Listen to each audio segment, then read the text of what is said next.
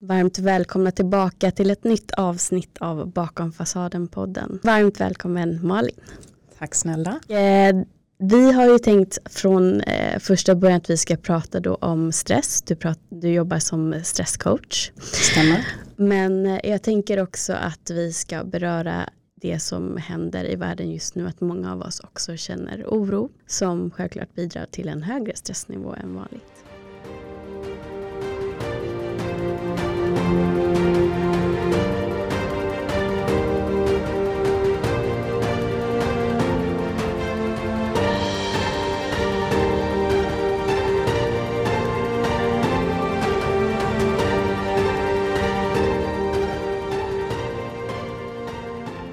Vem är du och hur kom det sig att du började jobba som stresscoach? Mm. Denna lilla, lilla fråga. Yeah. Malin heter jag, Malin Gunnäng. Jag bor idag i Lund. Har bott tidigare i Stockholm, ganska nära där vi sitter precis nu och spelar in. Jag var väl en klassisk duktig flicka, alltid varit, är säkert fortfarande, även om jag har mina verktyg och mina strategier idag för att hålla det lite mer i schack. Men eh, jag är uppväxt i en eh, superhärlig familj, mamma, pappa, två systrar, var alltid högpresterande i skolan, bra betyg, ja som sagt duktig flicka och dessutom framförallt en stora syster som jag ofta jämförde mig med och jämfördes med väldigt mycket. Och sen har jag spelat golf på ganska hög nivå, vilket också blev väldigt tävlings tävlingsinriktat och mm. väldigt, men väldigt lätt att mäta hela mm. tiden. Och också där spelat mycket, framförallt med min stora syster som då, ja men givetvis var en sporre, men också hela tiden att så här, jaga, jämföra. Så. så det är bakgrunden och en, en viktig bakgrund tänker jag just kring ämnet stress. Mm, prestation. Exakt. Ja. Och det möter jag ju jättemycket idag men det kommer vi in på här lite senare. Sen flyttade jag när jag var 21 upp till eh, Stockholm. Kände att jag var klar med Skåne just då. Så jag flyttade upp till eh, Stockholm, började på en eh, KY-utbildning, kvalificerad yrkesutbildning som var ganska nytt då för mm. jag vet det, nästan 20 år sedan. Mm. Och jag kände att någonting mer behövde jag plugga men jag var inte sugen på att sätta mig i skolbänken i fem sex år till. Utan jag var ganska redo på att komma ut och testa mina vingar. Så jag läste sälj och marknad i ett och ett halvt år och sen hamnade jag på en praktikplats på en av ja, Stockholms finaste byråer. Så från att komma från en liten håla i Skåne så satt jag helt plötsligt i Sturegallerian och det var liksom högsta puls och ja, men allt det där man har drömt om ska jag inte säga för det hade jag inte gjort men på pappret var ju liksom allting mm. perfekt. Mm. Fina titlar, fina, fina titlar, områden. Ja, fina middagar, fina resor. Yttre bekräftelse. Exakt, ja. allt det där ytliga. Och samtidigt hade jag ett förhållande, en fin lägenhet. Ja men som sagt det var fint på pappret och bättre blev det höll jag på att säga längs med den vägen. Där fick jag i alla fall en eh, praktik på, det var ganska långt, nästan ett halvår. Och om man då visade framfötterna under den praktiken så kunde man ju då få en anställning. Mm. Och eh, det innebar ju att istället för att jag kanske flyttade upp här och började bryta mönster som man ju också kunde ha gjort. Att så här, men nu ska jag starta om, jag ska inte fortsätta i den här prestera duktig flicka. Men väldigt snabbt så triggades ju den igen såklart. Och väldigt snabbt under den här praktiken så var jag igen den som man kunde lita på, som fixade allt. Jag vet att jag hade egna kundkonton redan under min praktikperiod för att folk märkte att jag levererade och man kunde lita på att saker blev gjorda. Mm. Och eh, sen eh, efter det fick jag anställning där ganska snabbt, eller något år senare bytte jag till en annan byrå och vid 25 års ålder så var jag eh, gruppchef och omsatte väl tror jag ungefär 30 miljoner bara i, i min grupp då. Mm. Så där satt jag liksom mitt i, som du säger, gräddan på allting. Och allting var väldigt, väldigt kul mm. där och då. Men det fanns ju en baksida som kom att visa sig rätt så många år senare. Mm. Ja, mycket igenkänning upplever jag. Just det här att vilja prestera hela tiden för någon annan och kunna säga att men jag har lyckats med det här och det här och det här. Um, för att det är så vi ofta har fått lära oss att om vi berättar om våra prestationer, det är då vi får känna oss sedda och hörda och bli berömda. Um, och jag kommer ifrån en sån typ av uppväxt um, där jag upplevde i alla fall att om jag berättade att jag hade gjort någonting bra som ofta hade med eh, antingen skolan då när man var så liten eller sen eh, med jobbet. Det var då jag kände mig som allra mest sedd. Mm. Och då upplevde jag, som jag förstått nu, att det är så jag ska göra för att känna mitt värde. Mm. Det var då man blev belönad. Ja, mm. exakt. Mm. Ja, jag känner igen det mycket och jag har ju som jag nämnde här innan, precis vi satte på poddmickarna, eh, två döttrar som är nio och tolv idag. Mm. Och framförallt den minsta brukar fråga mig så här, men mamma varför säger inte du ofta att jag är duktig? Mm. Och det finns ju en anledning till det. Att jag verkligen försöker att hitta andra sätt att ja, men lyfta fram både prestationer och ja, som hon kan säga att men är du stolt över mig nu när det gick så bra på den här simtävlingen? Fast jag var ju lika stolt över dig i morse för att du är du. Är du. Mm. Och, och verkligen försöka lyfta upp det och inte bara vara så fokuserad på prestationer hela tiden eftersom jag själv vet vad det innebär. Exakt, och det jag tycker det är jättesvårt. Nu har jag valt att inte skaffa egna barn men jag har syskonbarn som ligger mig allra närmast hjärtat. Och jag försöker göra likadant framförallt med den äldsta för att hon är tre år. Den yngsta han är fortfarande bebis så det, mm, mm. det är liksom inte så mycket. Men just att jag märker att hon, hon blir så stolt när hon lyckas med någonting och eh, att jag verkligen försöker välja orden mm, där och mm. inte använda just duktig.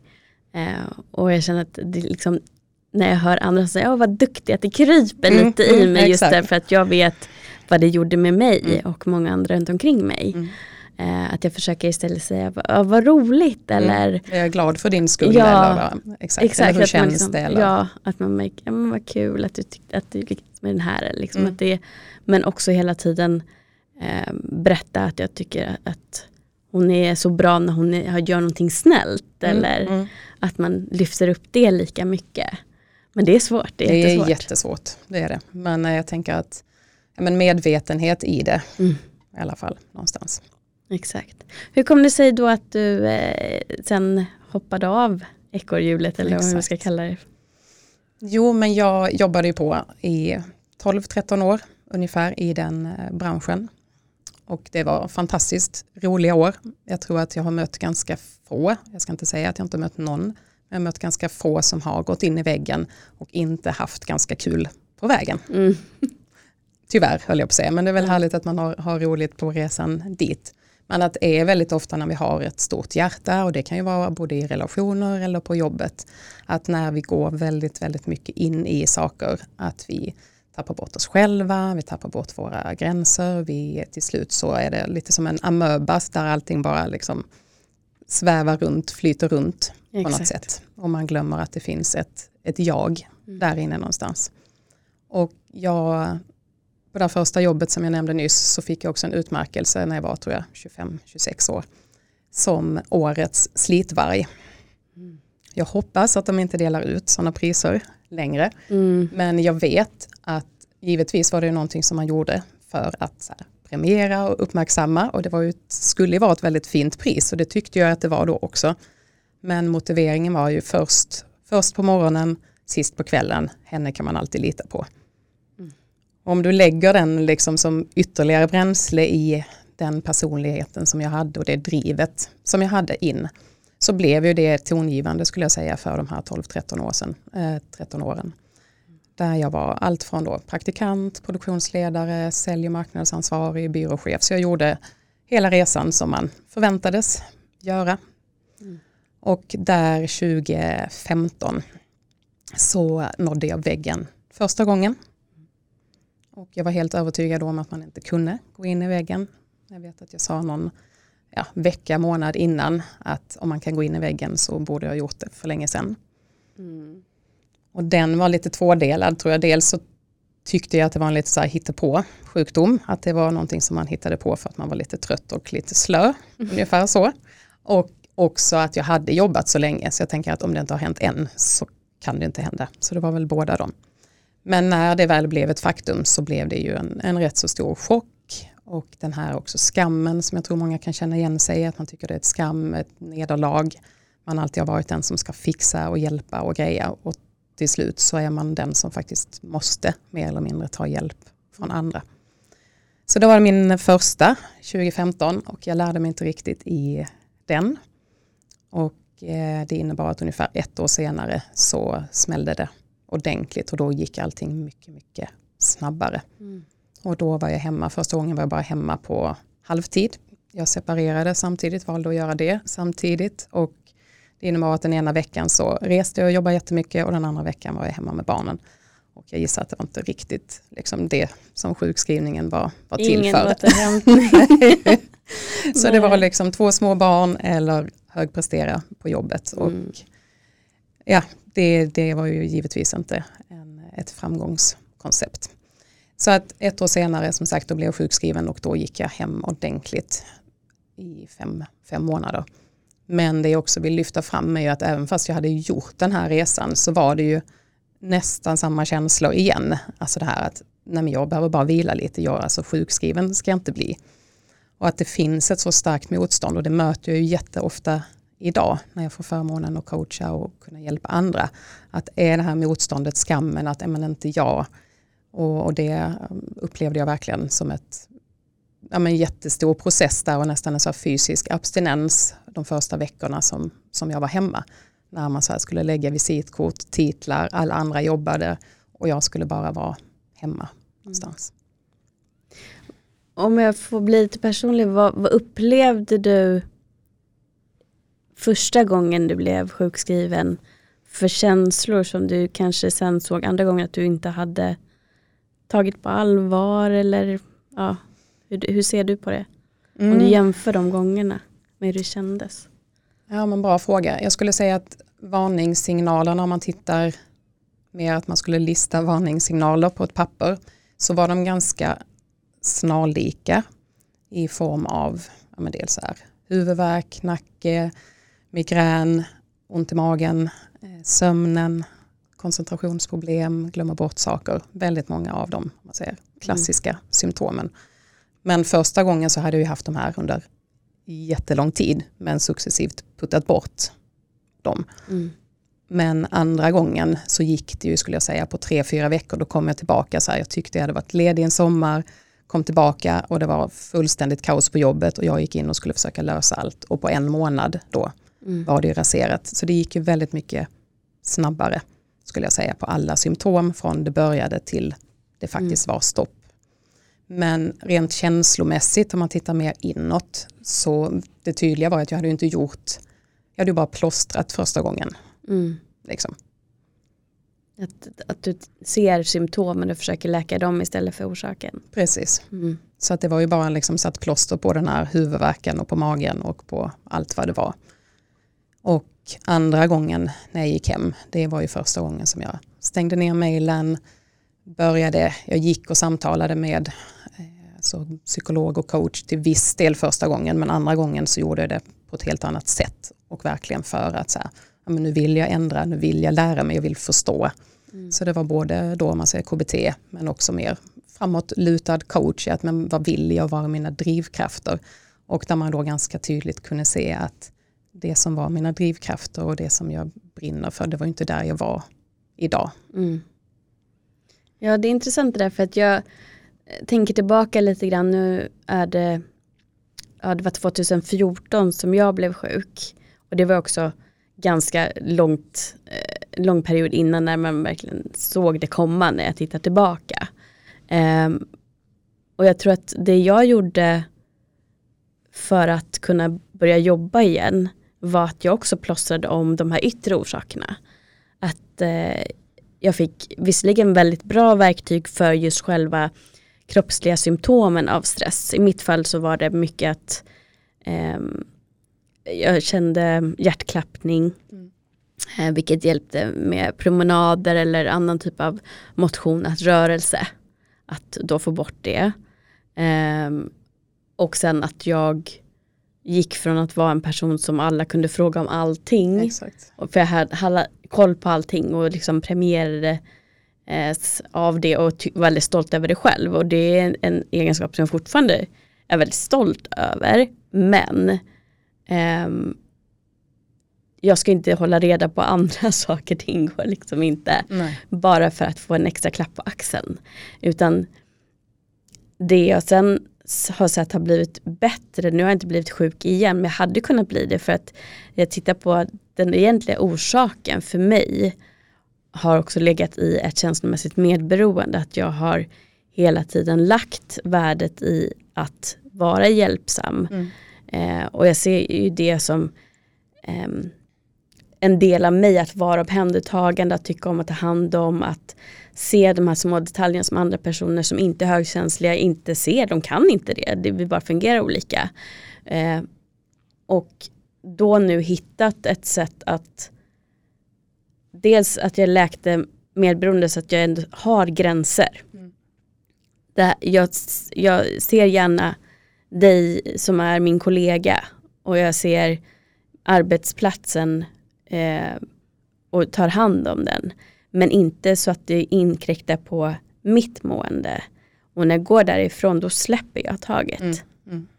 Det gjorde jag ju aldrig förut. Det var ju konstant, nu var jag konferensansvarig när jag blev sjuk så det var ju liksom event som skulle planeras, just det där, ska komma det här, var det specialkost på den, hur många var vi, hur kan vi sätta där, det blir två stolar till där. Alltså det var mm. liksom hela saker där som jag tänkte på hela, hela tiden plus att det kunde vara något annat som hände i huset som jag också hade koll på som egentligen låg hos någon annan. Mm. Också att våga delegera saker som man måste också kunna lita på andra personers kompetens. Inte tro att nej men det blir inte bra om det inte jag gör på mitt sätt att lite titta på vad är det som gör att jag inte kan delegera vissa saker. Är det stolthet eller är jag rädd för att det inte blir bra eller vad är det vad är det, det beror på. Mm, mm, mm. Att observera och ifrågasätta sina egna känslor och tankar. Vad är det de egentligen säger dig? Vad är det allting bottnar i? Och göra hela det här inre arbetet har också gett mig en större förståelse och verktyg för att det inte ska hända igen. Och där var, var det för mig precis som för dig väldigt viktigt att jag faktiskt bytte mm. mm. yrke. För att jag vet att det finns ett, en, en saying, vad heter det, ett ordspråk att ja, du kan, kan, inte bli frisk där du har blivit sjuk. Precis. Där. Och det skulle jag ju säga till jag coachar många idag och det finns ju de som gör det men då säger jag att då måste du ha en, en väldigt bra arbetsplats där liksom arbetet i sig är men kanske också ganska nära där du ska vara. Jag ska förklara det lite mer snart mm. vad jag menar med det. Men också att du har en väldigt förstående liksom, chef och kollegor och att du själv parallellt mm. jobbar väldigt, väldigt mycket. Så jag skulle säga att det går, men du gör ju resan svårare mm. genom att göra det på det sättet. Och jag känner igen mig väldigt mycket i ditt. Jag har jobbat med både reklam och men framförallt väldigt mycket event och konferenser. Mm. Så just det här att hela tiden ha koll på allting och vara glad och fixa, alltså både internt med kollegor och chefer och så vidare. Men sen också mot kunder, mot leverantörer. Det här att, ja, men inga problem, det fixar jag. Ja, exakt. Jag, jag, vet att jag till och med har skrivit i eh, mitt CV, på det personliga brevet. Helena iFix Perselius. och nu bara, åh herregud att jag inte liksom såg det själv. Ingen varningsflagga. Nej, nej. Nej. nej. Och det är ju mycket sånt, jag brukar alltid säga det att jag hade ett, på tal om citat, när jag började föreläsa, vilket jag gjorde i min egentligen första utmattning, som också en del av men, min läkande mm. process. Men då hade jag ofta ett citat att let your past make you better, not bitter. Mm. Att verkligen ta med de här erfarenheterna och lärdomarna. Och som jag sa till dig här innan att nu är jag satt tillbaka i Stockholm där jag jobbat 12-13 år och det blir sådana flashbacks från ett tidigare liv men det finns ingen bitterhet eller ingen så ilska mot någon utan jag, jag vet att alla som jag har haft runt mig hela mitt liv oavsett från jag var liten till i arbete till i relationer har gjort det de kunde just då.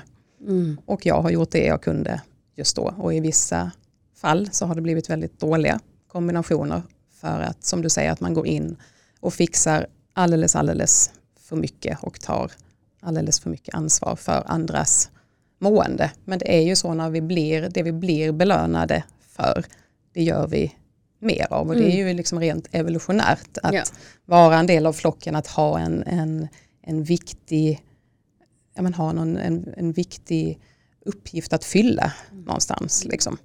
Och det, den triggern, den känslan av att tillhöra kan ju bli jätte, jättestark och ibland lite för stark. Ja, det var verkligen en viktig punkt. Just, eh, vi pratade om just de här grundbehoven också i ett avsnitt jag gjorde med, med Madeleine och Peter. Eh, och det är också någonting som Tony Robbins pratar väldigt Mm. mycket om. Och där vet jag att sam, eh, samhörighet eh, är viktigt för Mm. mig. Mm. Och där ser man ju väldigt tydligt också att jag var lite spindeln i näten på jobbet Mm. under den här tiden. Men jag var också styrelsemedlem i en ideell supporterförening på fritiden. Eh, för att jag älskade just den här känslan av att det var ett vi. Mm. Eh, nu var det fotboll i just det här fallet men det finns ju liksom i hur många områden som helst att känna det här vi-känslan att vi alla gör det här för vårt lag Exakt. tillsammans. Och, ehm, just att också jag tror att det, jag ändå ser att det, jag drar lite paralleller till mycket som jag pratar om allmänt i personlig utveckling. Att det, är mycket, det är så mycket som vi söker utanför oss själva när Mm. vi egentligen behöver titta inåt och hitta det inom oss själva. Och det där är ett praktexempel på hur fel ute jag var och letade efter det jag egentligen behövde för att Mm. möta mina egna behov. Men jag tror inte att när vi väl är inne där då ser vi bara det roliga i snabba belöningar med att få bekräftelse med att åh gud du är en klippa. Mm. Eller sådana där saker, ja men det här fixar du, ja Mm. men var bra Helena, hon vet Hon henne kan man det. lita på. Mm. Ja men lite det som du också var inne på. Ehm, istället för att känna inåt och sen, ja men lilla eh, jag som står där med liksom tofsar i håret och känner att åh vad skönt jag blir klappad på huvudet. Mm. Att hon blir inte sedd för jag ser inte henne, jag har inte tid att titta på henne när jag tar hand om alla andra runt omkring mig. Eh, så det, det är intressant hur allting liksom går igen. Och just med stresshantering att det är så viktigt att ta med sig den biten och Mm. låta det få ta tid. Och jag vet att jag pratade med eh, Angelica, en vän som vi pratade om hjärntrötthet. Att Mm. Det kan låta som det har tagit så lång tid när jag säger men det var åtta år sedan och det här har jag kommit på nu. Men det är ju liksom en ständig utveckling Verkligen. jag blev friskförklarad relativt fort. Men det har fortfarande varit en resa till att hitta exakt hur jag ska hantera mitt mående. Vad, vad är det som var trasigt i mig som behövde läka som jag kommer på nya infallsvinklar och sätt att hantera Mm. framöver just för att inte hamna där igen. Mm. Och jag tänker det viktiga där, ja, det finns ju så många olika, dels med vår hjärna, vi kanske kommer in på det ännu mer här lite senare, men jag tänker att det är ju så mycket evolutionärt som finns kvar från när vår liksom, hjärna skapades för Ja. tusen, tusentals år sedan. Att om vi tittar tillbaka när vi sprang på savannen och vi blev jagade av en tiger så behövde vår hjärna tala om att nu kan du antingen slåss eller så kan du springa härifrån. Och förhoppningsvis så antingen slogs vi och eh, överlevde eller sprang vi och kom in i grottan. Och skillnaden då var att när vi kom in i grottan så vilade vi och hade den här återhämtningen. Och den här då tigern var kanske ett hot som kom en gång om dagen eller någon gång i veckan. Men idag så upplever ju väldigt många att man har en mental tiger som har flyttat in i våra hjärnor som liksom existerar hela, hela tiden i form av så här, men tänk om detta händer eller om jag missar det här eller notiser på telefonen och samtal och som vi pratade om innan, intryck ute på stan. Alltså allting som vi ska processa och allting som vår hjärna ska ta in och bearbeta. Är detta någonting som jag behöver ta in? Behöver jag parera detta? Och att vår hjärna då inte heller kan skilja på ett verkligt hot och hot som vi målar upp i våra hjärnor. Det vill säga att det är väldigt hjälpsamt och utan den här stressreaktionen så hade vi ju inte överlevt.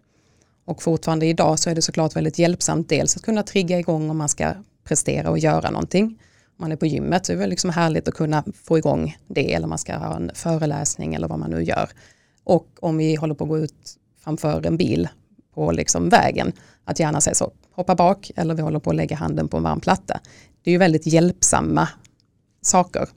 Men problemet är ju att samma signal skickas ut till hjärnan när vi ligger på kvällen och ska försöka sova och tänker att ja, men tänk om det här händer. Tänk om kriget kommer hit, tänk om inte ekonomin går ihop, undrar om den blev sur igår. Alla de sakerna, eftersom vår hjärna ser i bilder och absolut inte kan uppleva ett inte som en bild, utan alla de här sakerna som vi tänker blir ju potentiella faror i hjärnan som den ska parera. Och det tror jag att många inte tänker på, det gjorde inte jag innan heller. Och som du sa tillbaka till omvärlden, vi har ett krig som pågår inte allt för långt borta, vi har varit i en pandemi väldigt länge. Att förstå att den kollektiva stressen som det har varit, oavsett hur man har tagit sig igenom den här pandemin, mm. så har vi haft ett triggat nervsystem väldigt, väldigt länge.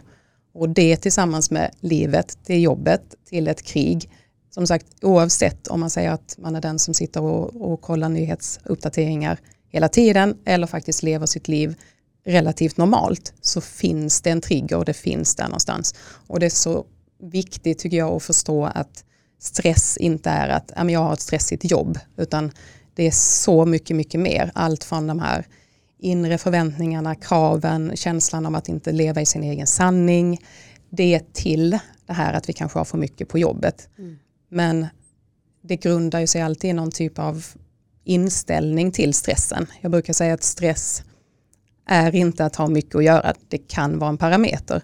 Men stress är rädslan för vad som händer om vi misslyckas. Yeah. Och den tycker jag är så viktig att ha med sig. Mm. Att om två personer går till jobbet på morgonen och de ska ha samma möten, leverera samma saker, vara där lika länge. Och den ena går in liksom i inställningen att ja, men idag har jag tagit en promenad hit, jag är i ganska bra mode, jag ska göra det här, jag ska leverera så bra jag kan och sen så ska jag gå hem. Mm. Det finns ingen stress kopplat till det. Medan den andra personen som kanske då kommer halvt inspringande, man har haft en konflikt hemma, man har kanske inte sovit bra för man har legat och funderat på den här presentationen och sen sitter du i mötet och funderar ända tills det är du som ska prata, undrar om det här sitter det här och det här kommer inte bli bra, vad ska andra säga? Det är, liksom, det är det som skillnaden ligger någonstans och det är ju oavsett om det är på jobbet eller om du är i en relation där du kommer hem. Kommer du hem där du kan vara dig själv, du kan koppla av, du kan liksom bara landa eller är du i en relation, antingen en kärleksrelation eller med vänner där du också ska ha någon typ av fasad eller någon typ av roll så är det också extremt dränerande. Så att ju mer jag jobbar med detta, nu har jag jobbat med det i tre år sedan när jag utbildade mig och innan dess hade jag jobbat en del framförallt då som föreläsare också. Att det är så mycket, mycket mer komplext och även om många kommer till mig kanske ofta fortfarande med en stressproblematik i grunden mm. så landar vi jättesnabbt i, som du säger, vad har man med sig från uppväxten, hur är det med självkänslan, varför kan vi inte sätta gränser, varför och när liksom har vi tappat bort oss själva. Det är så mycket mer komplext än att säga att så här, jag är stressad, för det finns alltid en massa underliggande och det är ju när vi vågar, som du sa innan också, gräva och landa i det här, vilket jag också då gjorde min andra utmattning, det är ju då vi kan börja skifta och hitta ett hållbart sätt som du sa att du inte har fallit tillbaka för att man har lärt sig på, på vägen någonstans. Ja exakt och det är verkligen superviktiga saker som du säger nu. Jag hoppas verkligen att folk lyssnar på det här flera gånger. Um, för att jag vet att jag sagt det till en, en vän som har haft problem med stress att som jag upplever idag är egentligen inte det att stress i sig är inte skadligt. Det är hur vi hanterar den som blir skadligt. Om vi inte väljer den för att eller väljer att se det kroppen signalerar till oss genom vad det nu är, huvudvärk eller för mig då hjärtklappning. Mm. Mm. Vad är det här som inte funkar för mig. Det är någonting kroppen varnar mig för. Att här är någonting som gör att jag behöver titta på någonting, stanna upp, observera vad är det som händer som känns skavigt. Mm. Eller vad man vill kalla det för. Ja men verkligen. Och välja då att säga, ja men vänta nu gjorde jag någonting som jag vet inte fungerar för mig. Det här kommer ju bli överväldigande. Mm. Kan jag hitta ett annat sätt att titta på det? Kan jag ta hjälp? Kan, vad kan jag göra för att lösa det så att det inte blir överväldigande? Mm. För det är när man känner den här överväldigandet som det upplevs som en mycket större sak än vad det egentligen är. Och du upplever att du inte räcker till. Mm. Och därigenom skapas vad man nu vill kalla det för, om man vill kalla det för negativ stress eller stress eller vad det nu är Mm. Mm. du som person, du som lyssnar tänker att det här kallar jag det för. Men det jag vill komma till är att när du lär dig att pausa inför de signaler som din kropp ger dig, observera, tolka och agera på det istället för att bara agera på att åh, det är en obehaglig känsla. Nu fortsätter jag bara framåt och för, eller går till ett flyktbeteende om det är att sätta sig och titta på tv eller ringa en kompis eller vad det nu är och inte ta hand om det som kroppen försöker säga dig. Då måste kroppen försöka säga det ännu tydligare. Och det är så det kommer starkare och starkare symptom Mm. på en stress som inte är hälsosam. Verkligen. Ja, och det är jättebra beskrivet där. Jag brukar säga att i början är det som en liten så här fjäder som kittlar en bakom örat liksom Mm. och säger att så här, mm, men här är kanske någonting som vi ska lyssna på, vilket väldigt få gör för att ja, vi känner inte den när vi är där och då och vi Nej. vill inte. Man ska ju tänka på att det är två delar. Det ena tänker jag är att, är att förmågan och kunskapen att känna sina liksom varningssignaler eller liksom kunna lyssna inåt. Och det andra är ju faktiskt viljan att vilja lyssna. Vi kanske är i ett förhållande där vi tycker att jättemånga saker är bra eller som vi har strävat efter eller är på en arbetsplats där vi tänker att men nu har jag lagt sju år av mitt liv för att komma hit. Så var det mycket för mig, att, men om jag misslyckas nu, då är ju allt det här bortkastat. Mm. Och den är också att förstå hur stora motstånd det finns i det här, även när vi får kanske kunskapen eller förstår att de här symptomen finns. Att vi har ju antagligen investerat jättemycket av vår tid, av vår själ och sidosatt massa andra saker. Och helt plötsligt så står man inför ett vägskäl att okej, men ska det här också då inom citationstecken misslyckas? Ja. Då har jag ju misslyckats med allt. Mm. Och det, det blir ju en så stor, ofta då, liksom livsomvälvande process, större eller mindre beroende på hur länge man har, har varit i det. Tänker jag. Exakt. Jag tänker också, för jag kom på mig själv häromdagen och eh, hamnade i en situation där jag helt plötsligt saknade lite grann att ha en fin titel. Mm.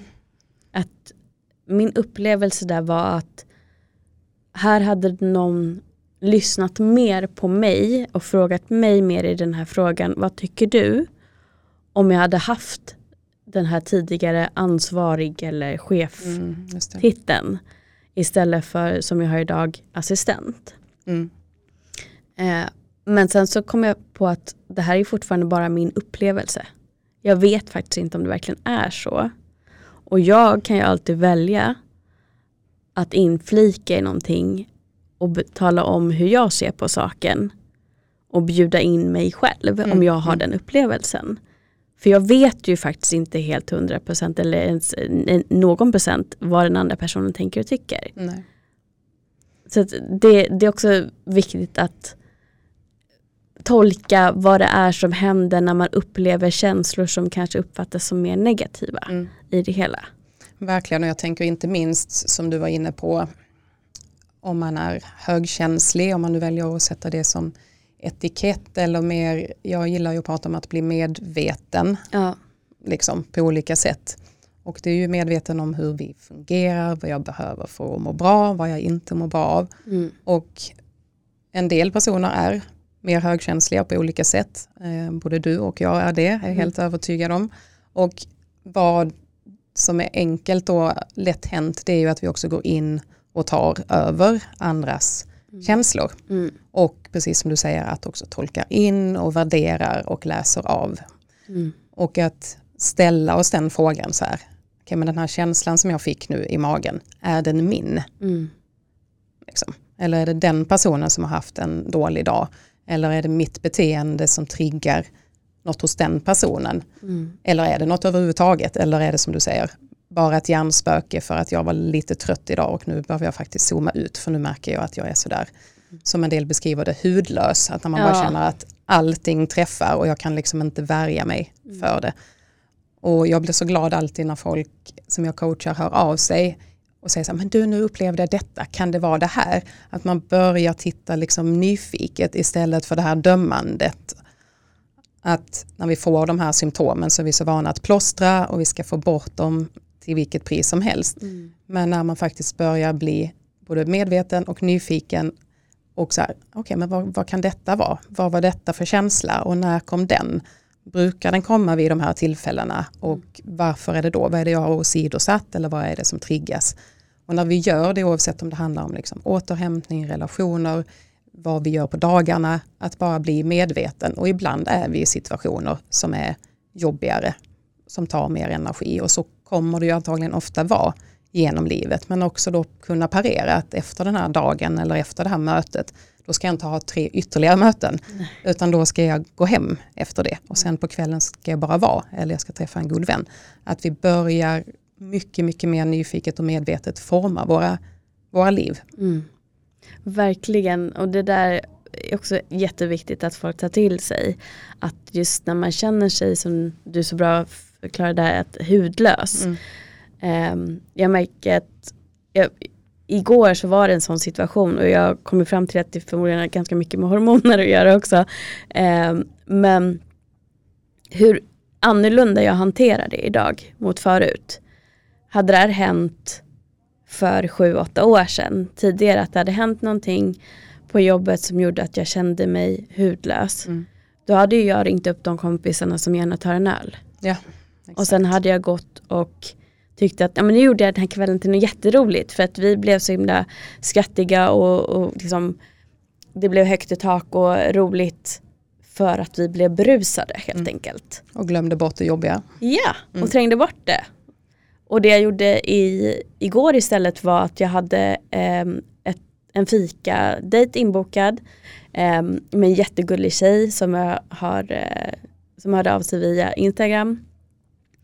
Och gick direkt dit och sa att eh, vad härligt att eh, jag fick en kram nu för jag behöver det. Och bara berättade lite grann, så här kände jag precis just nu. Vad kul att träffa dig och liksom bara valde att suga åt med det härliga med vår energi och vårt fina möte. Och sen åkte hem och tänkte att nu ska jag ta hand om mig själv ännu mer. Mm.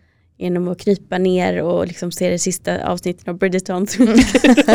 och bara, ja, äntligen liksom jag hade sparat på och ja, men bara ta hand om mig själv Mm. istället och få också tänka efter vad var det som hände nu, vad var det egentligen för känsla som väcktes och sådana saker och känna att okej men nu förstår jag, nu ser jag det här från ett annat sätt och då kändes det ju inte lika jobbigt längre Nej. heller. Nej. Så jag fick den här kramen jag behövde, jag fick prata om mig, jag fick eh, eh, träffa en jättehärlig tjej eh, som jag tror kommer bli en bra vän Mm. och liksom bara det är ju jättekul. Och sen också ta hand om mig och framförallt lilla mig. Mm. Ja men verkligen. Och jag Så tänker är det, ganska- det är ett fantastiskt skifte i, i det. Och det är ju, ja, har man kommit dit så blir det ju så mycket lättare att välja rätt på vägen. Mm. Och det är så många ofta frågar mig att men gör du aldrig fel eller trillar du aldrig dit? Men jag är ju, jag är ju den jag, liksom, jag har ju en personlighet och ett driv i mig som jag inte tror kommer att försvinna och som jag inte vill ska försvinna heller. Mm. Men jag vill ju och jag tränar ju mig själv hela tiden på att kanalisera den på rätt håll och använda det drivet till det som faktiskt liksom pirrar och brinner i mig nu. Och det är ju att kunna få hjälpa andra. Mm. Och att jag på den resan också behöver hela tiden parera att hur tar jag hand om, hur hjälper jag andra utan att det tippar över igen. Utan att jag fortfarande kan få tillåta mig att återhämta. Att vissa veckor kanske jag har jättemycket föreläsningar eller syns mycket, hörs mycket. Och vissa veckor så behöver jag liksom mer mitt space. Jag har kanske förberett material om det ska ut på Instagram eller vad det är. Att hela tiden göra och vissa personer kan ju säga till mig men du gör så mycket. Fast jag gör det på mitt sätt. Det kanske Mm. inte alltid är på det sättet som det syns utåt. Mm. Vilket också är en väldigt viktig påminnelse i vårt samhälle idag. Det här extrema träsket. Jag har som sagt en 12-årig dotter som att lotsa henne i, i allt. Från både med att vara duktig men hela utseende, liksom fokus och retuscherade bilder och sociala medier och allt vad det är.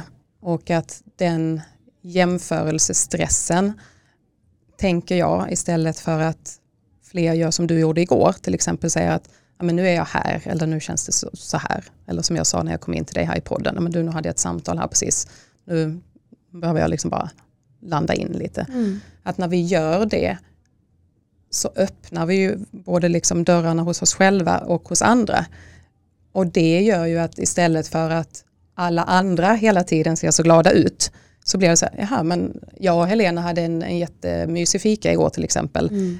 Fast hon inte liksom julade in där mm. så blev ju det här jättemysigt. Mm. Och, och då blir det också så mycket till, mer tillåtande än att hela tiden som sagt jämföras med de bästa bilderna på Instagram eller den som gör mest i föräldragruppen eller mest i bostadsrättsföreningen eller mest på jobbet eller vad det är. Exakt. Eh, och att faktiskt komma ihåg att när vi bjussar på oss själva, när vi visar oss också sårbara, som i min utmattning, det är ju aldrig så många som har kommit och pratat som när jag befann mig i det, för då var det någonstans som att man hade sänkt garden och fler också kunde komma mm. och berätta, eller i separationen, ja men jag tänker så här eller jag känner så.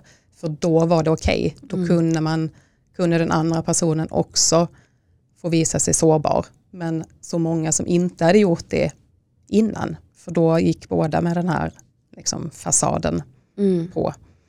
Och jag, jag, älskar ju det, bara namnet på den här podden, just alltså bakom fasaden. Att när jag började föreläsa så vet jag hade alltid en, en bild med på en sån här perfekt eh, putsad husfasad. Och när man kan se liksom små sprickor i den som börjar släppa någonstans. Att när jag var i min första utmattning, eller andra också för den delen, och det här började spricka. Det var inte så att jag lät den spricka, man kan bara tänka hur länge man har putsat på mm. den här fasaden. Mm. Så det enda jag gjorde, det var ju att försöka göra mer och mer för att den inte skulle falla. Mm. Och för att folk inte skulle komma på att jag egentligen inte orkade eller att det egentligen inte var så bra som alla andra tyckte. Och det är också viktigt att komma ihåg att inga av de här delarna i resan kommer helt smärtfritt. Jag tycker det är bra att jämföra med alltså, kroppsliga förändringar. Du sa att du precis hade varit på gymmet. Mm. Det är ofta fortfarande enklare för oss att ta tid till och framförallt att prata öppet om att så här, men vi går och gymmar. Då är ingen som tycker att det är så konstigt att man gymmar eller tar en eh, löptur på lunchen. Men att det fortfarande finns en viss skam och tabu kring psykisk ohälsa eller att bara ta hand om sitt inre. Mm. Att det fortfarande finns lite av en stämpel att så här, ja, men man går väl till psykologen när man redan är trasig. Och jag kan väl se ett visst skifte, att man faktiskt börjar jobba mer förebyggande också, vilket mm. ju är härligt att se. Mm. Men utmaningen där är ju både för en själv när man går igenom en sån här process och för andra. Att, som jag brukar säga, att du skulle inte be om ursäkt om du inte kan springa med ett gipsat ben. Mm. Men när det då är inom oss som vi är trötta, hjärntrötta som du sa, eller liksom bara inte orkar, vi får inte ihop. Jag vet att jag kunde sitta och läsa samma mail om och om igen, det gick ju inte in. Mm. Liksom. Mm. Och då är det såklart att utåt sett så ser jag antagligen fortfarande ut att vara samma person. Jag har tittat på gamla foton här i veckan och tänker så ja, det går att dölja väldigt, väldigt länge mm. liksom, om man vill. Och framförallt om inte andra heller vill se sanningen så går det att gömma väldigt bra. Och det svåra då är ju också för omgivningen att förstå att okay, Malin ser ut precis som hon gjorde innan eller Helena ser ut precis som hon gjorde innan. Men hon, av någon anledning så kan hon inte prestera på den nivån längre. Och då är det så lätt att folk kanske pushar på lite mer och man själv har inte riktigt hunnit läka, landa och så hamnar man i det igen. Mm. Så att mer tänka på det som ja, men en kroppslig resa, att vi gör ingen quick fix om vi vill nå drömkroppen på gymmet. Eh, oavsett om det är av, eh, av liksom utseendemässiga skäl eller om vi vill orka springa en mil eller en maraton. Vi mm. gör inte den en hållbar förändring om vi inte vill skada oss eller liksom få som sagt riva upp en gammal skada igen så gör vi inte det hållbart genom en quick fix. Utan det gör vi långsiktigt mm. och vi är ofta vana och villiga att investera i det. Och jag hoppas ju att se en viss förändring i att man faktiskt också är villig att investera i sitt inre. Men eh, det är fortfarande en stor utmaning att det inte syns utanpå. Mm. Och kanske till viss del den okunskap som fortfarande finns. Till viss del på arbetsmarknaden tänker jag. Absolut, det gör ju det. Men desto viktigare tänker jag att du och jag sitter och pratar om det här och att eh, ja, alla andra som pratar om det i poddar och media och bloggar och Instagram verkligen gör det. Verkligen. Just för att vi ska förstå att det här är någonting som kan hända alla. Sen är vissa av oss lite mer benägna kanske att göra det, hamna där. Men också att du behöver ju inte liksom radera ut vem du är. Nej. Utan du ska ta bort det sättet som får dig att må dåligt. Och det är det jag menar med att vissa saker kanske jag ser mer tydligt har som hur jag hanterade situationen igår mm. nu efter åtta år. Men det betyder ju inte att det tog mig åtta år tills jag mådde bra. Nej. Nej. Utan det är liksom därför att det är hela tiden precis som med livet är en pågående resa. Och allting kan man ju inte ta tag i på en gång. Du behöver hjälp när du har blivit eh, sjuk, utmattning eller hjärntrötthet mm. eller både och. Av några som kan hjälpa dig med just de symptomen först. Mm. Sen kan man börja nysta i det här som ligger bakom det hela för att också göra det precis som du säger långsiktigt. Mm, mm. Och då upptäcker man ju saker hela tiden längs vägen och jag tycker det är superspännande. Jag väljer att se det som att, ja men vad kul, undrar vad som kommer nästa mm, år. Mm, Istället för att, åh oh, gud, är jag aldrig klar någon Nej, gång? Exakt, tar det aldrig slut. precis. För det är inte så att man måste eh, för att man väljer att jobba med sin mentala hälsa, må dåligt hela tiden eller att man mår bra hela tiden när man har läkt någonting. Nej. Utan livet är fortfarande livet. Mm. Det går upp och ner. Men du lär dig att hantera motgångar på ett annat sätt. Och du lär dig hantera kroppens signaler. När du också förstår att du måste lyssna på vad kroppen säger till dig. Mm. För att när vi gör saker som får oss att inte må bra oavsett vad det är för eh, skyddsmekanism du väljer så kommer du ju gå emot vad din kropp egentligen talar om att den vill ha. Mm. Så ett, ett arbete i, som har med att läka från en stress eh, ett problematik har ju väldigt också med att göra samma sak som när du eh, läker ett eller ja, ett beroende kan man väl nästan mm, säga. Eh, för att du behöver lära dig vad du har för behov, du behöver lära känna dig själv alltså. Mm. Och du behöver också lära dig sätta gränser och bara gränssättning är någonting som många av oss upplever som väldigt svårt. Det Så det tar ju tid. Ja, ja visst. Och det är ju det som kan vara lite, ja, men lite taskigt höll jag på att säga mm. i den här processen. Mm. Att mycket av ja, men mycket av de här förändringarna som vi behöver göra tar ju också mycket energi i stunden. Mm. Som du säger, att bryta medberoende, att sätta gränser, att oavsett bryta gamla mönster och gamla beteenden på olika sätt. Det tar ju en massa energi från vår hjärna. Mm. Liksom.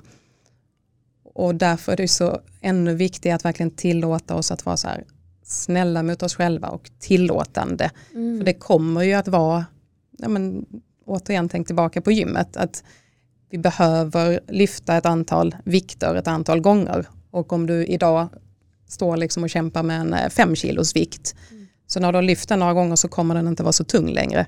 Och när du går tillbaka till gymmet om ett år, om du har fortsatt träna, så kommer du ta den här fem kilos vikten och tänka att ja, men den där var ju inte alls tung. Nu är jag ju på 15, hur kunde jag tänka det där var jobbigt för ett år sedan. Och det är ju på samma sätt här. Mm.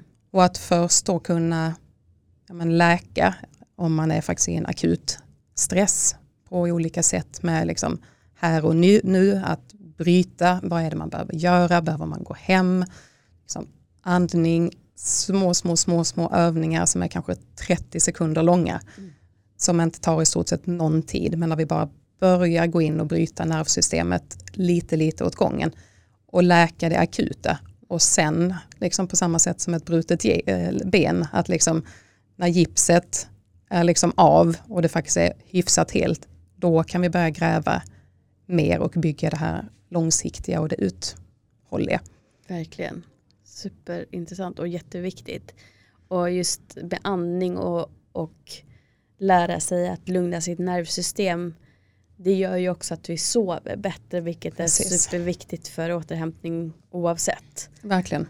Och vi bygger ju faktiskt väldigt mycket av vår egen sömn själva och där, kunde vi, här kan vi prata om ett helt avsnitt bara det. Men mm. som du säger, det är ju mycket saker som händer i kroppen under en lång period och det är ju massa saker som vår hjärna styr och olika hormonella balanser och signalsubstanser där kroppen egentligen hela tiden på olika sätt kämpar med att både kanske stötta dig i att faktiskt orka dagen men också reglerar olika saker i kroppen för att säga, men, men Helena, fatta, fatta vinken nu, kan du, liksom, kan du bromsa nu? Eh, och det är också det som gör att en del kan säga så här, men det kom från ingenstans, jag bara gick in i väggen utan förvarning. Men vår kropp har liksom kämpat och parerat detta så, så länge. Mm. Och det gör ju ofta att många av de här, liksom, alltså både hormonellt, i våra kroppar och med signalsubstanserna är ju inte riktigt där de ska vara. Mm. Och då kan vi ju faktiskt så fiffigt att vi kan bygga vår egen sömn genom att vi gör snälla saker mot oss själva. Mm. För när vi gör det så utsöndras ett eh, hormon som heter serotonin och serotonin i sin tur bygger melatonin och melatonin är kanske det som fler känner igen då som får oss att kunna sova. Mm. Och därför är det inte heller bara en quick fix. Det är klart att man kan jobba på så här, men ha mörkt och svalt i rummet, ha fasta kvällsrutiner. Men om vi har sprungit liksom dag efter dag, vecka efter vecka, så kan vi inte heller förvänta oss att när vi väl lägger oss och tycker att vi tycker att nu ska jag sova, mm. så kanske inte kroppen är där. Nej, för då är den här mentala tigern och flaggar liksom att men du somnar inte nu för här verkar vara ett hot och tänk på detta och så vidare. Men genom att vi faktiskt då genuint lär oss lyssna och gör då snälla saker som när kroppen sa till dig igår att okej okay, men ta det nu lite lugnare, sen går du hem, så tittar du på den här serien, då får vi ju ja, men rent hormonella klappar på axeln mm. som säger så här, bra, nu skickade jag ut mitt behov, du lyssnade och så får vi den här. Och det serotoninet då bygger på sikt vår sömn. Så det finns så många olika sätt på samma sätt som andningen kan få in oss i vårt lugna system. Så det finns så många olika lifehacks är ju ett väldigt eh, populärt ord just nu men där vi faktiskt kan hjälpa och stötta kroppen helt naturligt istället för att trycka migräntabletter och någonting för att man har ont i magen och något annat för något tredje. Liksom. Exakt. Och jag tänker just med tanke på det att eh, fråga dig lite grann just nu när många upplever en ökad oro eh, på grund av kriget och, mm. och att det är mycket som startar upp igen. Vi har gått ifrån att nästan ligga lite i dvala under pandemin och helt plötsligt kanske man ska tillbaka till kontoret fast man märkte att nej men jag mådde nog bättre av att vara hemma. Så det är mycket som skapar oro just nu. Mm. Vad skulle du säga är några ja, lifehacks? Några lifehacks med där. oro? Med oro ehm, så skulle jag säga att det är ju väldigt mycket. Dels att förstå, du var inne på det i början Helena, med vad vi väljer att kalla det. Om vi kallar det för oro eller stress eller rädsla eller ångest. Oavsett så triggar det samma. Det blir mm. samma röd flagg i yeah. vårt nervsystem. Så mm. att det kan också vara bra att bara så här, alla har olika ord men det, det är samma, sätter igång samma saker i vår kropp. Och det viktiga där är ju egentligen att vi fokuserar på saker som vi kan påverka. Det är ett jättebra första steg att vi fokuserar på vad kan jag påverka, vad ligger helt utanför min kontroll. Om man nu till exempel tar kriget som väldigt många har hört av sig, framförallt här för en, en och en halv månad sedan, att vi kan liksom inte styra vad Putin kommer göra idag eller imorgon eller om en vecka. Men vilka saker kan du kontrollera i, i ditt liv? Och då brukar man ofta få en övning där man kan skriva ner allt. Skriva ner överlag är en jätte, jättebra teknik att ta till. För då rensar vi lite av vårt hjärnkontor och får liksom bort det här surret, det här kaoset, overload, att bara få ner det på pränt oavsett om man gör det i en specifik övning eller om man då bara skriver det som kommer ut. Men om man vill testa det så kan man då skriva ner att jag känner oro för och sen börjar man skriva ner allting på papper som du kommer på. Högt och lågt, ingen liksom ordning. När du har skrivit den listan så kikar du på den igen och delar in den i 1, 2 och 3. Där ettor då är saker som du inte alls kan påverka. Tvåan är sånt som du delvis kan påverka och trean är sånt som du faktiskt helt och hållet kan påverka. För att dels som sagt tömma hjärnan, få det på pränt, se hur det faktiskt ser ut och sen kunna skapa kanske tre, fyra konkreta actions av de här sakerna som du antingen delvis eller helt kan påverka. Och det vi gör då är ju att vi flyttar fokus från det här ältandet, oron. Oron älskar ju oro, oro föder oro, stress föder stress. Men när vi istället då tar över det här förarsätet lite och säger att men det här kan jag faktiskt påverka, det här kan jag fokusera på. Återigen tillbaka till kriget, jag kan skänka pengar om jag vill. Eller jag kan eh, starta en insamling. Bra, då gör jag det. Det tar oss från den här handlingsförlamningen till ett, ett ställe där vi kan vara istället handlingskraftiga och börja agera. Så att agera är en jättebra motvikt mot eh, oron. Verkligen. Så att, eh, och sen så viktigt är att behålla olika rutiner, tänker jag. Att behålla saker som vi vet att vi mår bra av, att vi inte börjar tumma på det. Att vi begränsar om det är nyhetsflöde eller sociala medier, pingar på telefonen.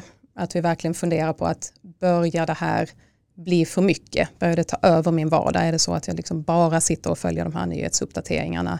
Eller har den här oron som du sa, vi kommer från en pandemi. Har jag blivit så pass bekväm och nu nästan lite obekväm i att vara ute bland folk? Har jag börjat ändra mitt beteende på ett sätt så att faktiskt den här oron har ett inverkan, en inverkan på mitt liv och på min livskvalitet? Och sen lite provocerande vet jag att det är för vissa, men det är att göra saker som man själv mår bra av och saker som man blir glad av. Och det vet jag var jättemånga som hörde av sig här, som sagt framförallt när kriget bröt ut och sa att men ska jag liksom åka på den här resan ändå eller ska jag ta den här middagen eller lägga upp bilder på att jag har fått ett nytt jobb. Liksom. Och jag vet ju att det grundar ju sig, all oro grundar ju sig i någon typ av kärlek och omtanke. Men att komma ihåg att i oron i sig finns ingen handlingskraft och ingen drivkraft. Utan det är när vi ändrar det fokuset, återigen tillbaka till vad vi själva kan påverka, som vi kan skapa förändring. Men att vi väljer att så här, men jag ska inte gå ut ikväll, jag ska sitta hemma en fredagkväll och så ska jag oroa mig och tänka på dem i kriget. Det hjälper inte dem och det hjälper inte dig och det hjälper inte dem i din närhet. Och att försöka skilja på det och att faktiskt fortfarande göra de sakerna som vi, vi mår bra av. Jag brukar jämföra det med att när man är på ett flygplan, att om syrgasmasken trillar ner så ska man först ta på sin egen innan man hjälper andra. Och jag som har barn tycker alltid att det är lite provocerande tanke i grunden att men jag skulle vilja hjälpa dem först. Men jag vet ju att på samma sätt som att om inte jag har syre så kan inte jag hjälpa dem. Och på samma sätt är det att om vi fastnar i det här ältandet, oron eller i stressen och inte hjälper oss själva där och då så kan vi inte finnas där. Varken för oss själva eller för andra. Och att ta bort lite av den här stämpeln att, att det skulle vara något fult eller ett, egoistiskt att jobba på sin egen hälsa oavsett om det är mentala hälsa eller fysiska hälsa. Ja, ja du säger så bra saker. nu ska jag ta lite vatten här. ja. Nej, men det, jag, jag sitter här och tänker att jag hoppas verkligen att du som lyssnar lyssnar flera gånger. Jag, jag verkligen från hjärtat önskar att, att ni gör det för att det är så mycket saker som vi pratar om i det här avsnittet som jag verkligen hade behövt att höra innan jag blev sjuk. Mm. Eh, och som du säger, det gläder mig också att se ett visst skifte och jag upplever också att många fler tar tag i saker tidigare mm. idag. Just därför att vi har nått ett högre medvetande just in, inom problematiken.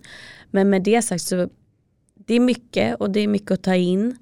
Och vi har haft flera år att lära oss mm, det vi exakt. pratar om. Så att jag hoppas verkligen att ni sparar det här och, och lyssnar på det varje gång som ni känner att ni skulle behöva de här verktygen som Malin pratar om.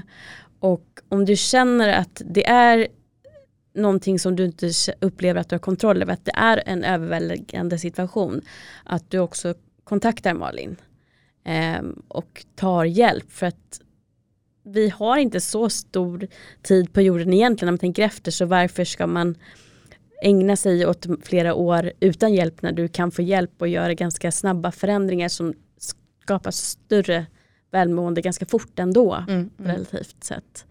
Eh, och du erbjuder också kurser.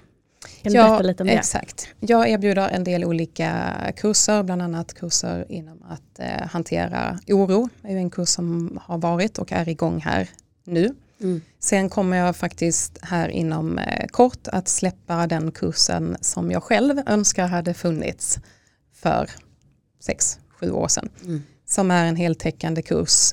Allt ja men, från oro och stress till lugn och glädje egentligen. Allt från andning, sömn, mindfulness, hur du blir mer produktiv, hur du hittar riktning, värderingar. Allt det som jag egentligen har skapat under de här åren och skrivit på och till slut har nu fått ihop i en eh, digital kurs. Så att på den kursen så kommer jag att erbjuda 15% rabatt till alla som anger bakom fasaden som, eh, som kod. Så då går det jättebra att skicka till mig på Instagram. Och jag kommer även nu att erbjuda 30 minuters gratis konsultation. Så att båda de erbjudandena är eh, unika för er lyssnare här idag. Jag är så glad för det här samtalet och för att vi sitter här idag. Så att känner du att du antingen vill ha ett samtal och bara prata av dig 30 minuter antingen på telefon eller på video. Ingenting att förlora utan känns det Mm. bra så kan vi hitta ett upplägg och annars så har du fått 30 minuter att ventilera. Och om du känner att jag skulle vilja ha den här kursen där du får vägledning, där du framförallt kan jobba i din egen takt, men också ha min vägledning igenom och kan gå tillbaka och göra övningarna om och om igen, så är du supervälkommen och höra av dig. Så skicka i så fall bakom fasaden till mig på Instagram så hjälper jag dig gärna vidare där. Ja, och tack. Så värdefullt. Och jag hoppas som sagt om du som lyssnar nu känner att du är mitt i, i kaoset så är mitt största och varmaste tips verkligen att så här, ta första steget oavsett vad det är. Mm. ofta är det jobbigast att sätta bollen i rullning. Mm. Så om det är att kontakta någon utomstående, att kontakta Mm, någon verkligen. själv. Samtal med kollegan, chefen. För när vi har satt den här bollen i rullning så blir det svårare att ducka och delar av förändringen kommer faktiskt att komma av sig själv även om vi behöver jobba. Men just att våga putta den där första eh, bollen igång. Exakt. Det, det skulle jag säga. Och väldigt många som jag är i kontakt med som väljer att kanske ta bara två, tre dagar hemma och liksom sjuka sig. Mm. Eh, att faktiskt ta den tiden, kanske ta en torsdag, fredag och vara hemma en helg. Och jättemånga får, särskilt om man befinner sig i det här gränslandet där man känner att det börjar bli för mycket, får så pass mycket perspektiv bara under de dagarna att man känner att så här, okej, det här håller inte. Så att på något sätt våga ta det här första lilla, lilla steget och sen blir det ändå lättare efterhand skulle jag säga. Verkligen. Och det, det är befriande bara att känna att du har gjort det för dig själv. Att du har tagit det första steget. Verkligen. Så eh, gör det nu och tacka dig själv och tacka Malin för hennes hjälp och hennes värdefulla berättelse här idag. Och eh, som vanligt så kommer jag länka allting som vi har pratat om, både kursen, hennes uppgifter eh, i beskrivningen till avsnittet. Så missa inte att kika där. Du hittar också mig på Instagram där jag heter Bakom fasaden-podden och det kommer också finnas eh, länkar där när det här avsnittet släpps. Tack till dig som har lyssnat. Tack för att du tar hand om dig. Och tack för att du har kommit hit och Mm, tack delat med allting. Ja, tack. Superhärligt samtal.